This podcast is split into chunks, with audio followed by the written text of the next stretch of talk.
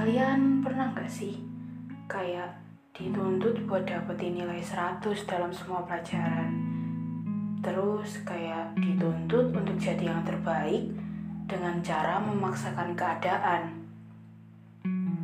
Bahkan dipaksa untuk menjadi orang lain karena situasi yang seharusnya nggak diinginkan.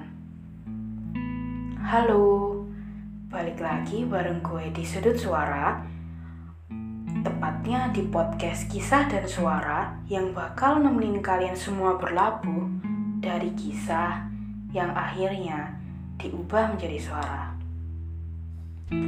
Kalau ngomongin angka 100, apa sih yang kayak gini? Kalau kita kalau misalnya aku ngomongin angka 100, kira-kira yang ada di pikiran kalian itu apa? Sempurna, lulus, keren, dan masih banyak lagi kan? Sebenarnya, menurut kalian, angka 100 atau nilai 100 itu penting gak sih? Ada yang bilang penting, ada juga yang bilang biasa aja.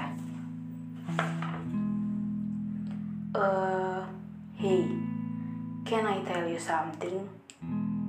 Kalau ditanya aku pernah ada di fase ini apa enggak, aku bakal bilang pernah.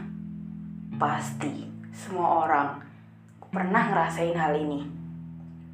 Oke, mungkin bagi beberapa orang dapat nilai 100 atau nilai sempurna adalah sebuah keharusan atau jadi yang terbaik dengan cara memaksa jadi orang lain agar dapat sebuah pujian adalah mengesankan. Dan kali ini aku mau ngajak kalian untuk berlayar sejenak. Berlayar dengan keadaan pintu kamar yang tertutup rapat serta diiringi sebuah musik yang mengalun, membimbing suara yang terdengar halus di telinga.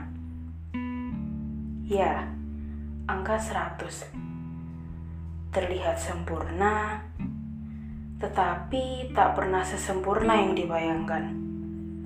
Berusaha untuk melakukan yang terbaik tetapi selalu gagal karena ekspektasi diri sendiri. Dan akhirnya kembali terjun di lubang yang sama.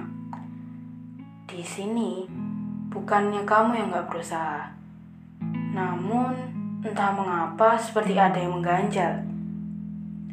Dan mungkin yang kamu butuhkan adalah ruang. Ruang untuk menerima diri sendiri. Ruang untuk meyakinkan diri ini bahwa semua hal yang ada di dunia, semua hal yang berbau kesempurnaan adalah hanya milik Tuhan semata. Kamu boleh, boleh banget bahkan mengejar angka 100 itu.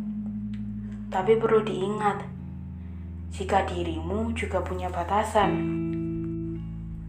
Dan definisi kesuksesan nggak harus tentang kayak gini. Ibu, maaf. Kali ini aku gagal. Maaf, aku hanya bisa mengucapkan kata maaf saja. Cukup memaksaku untuk menjadi orang lain. Bukan Bukan seperti itu.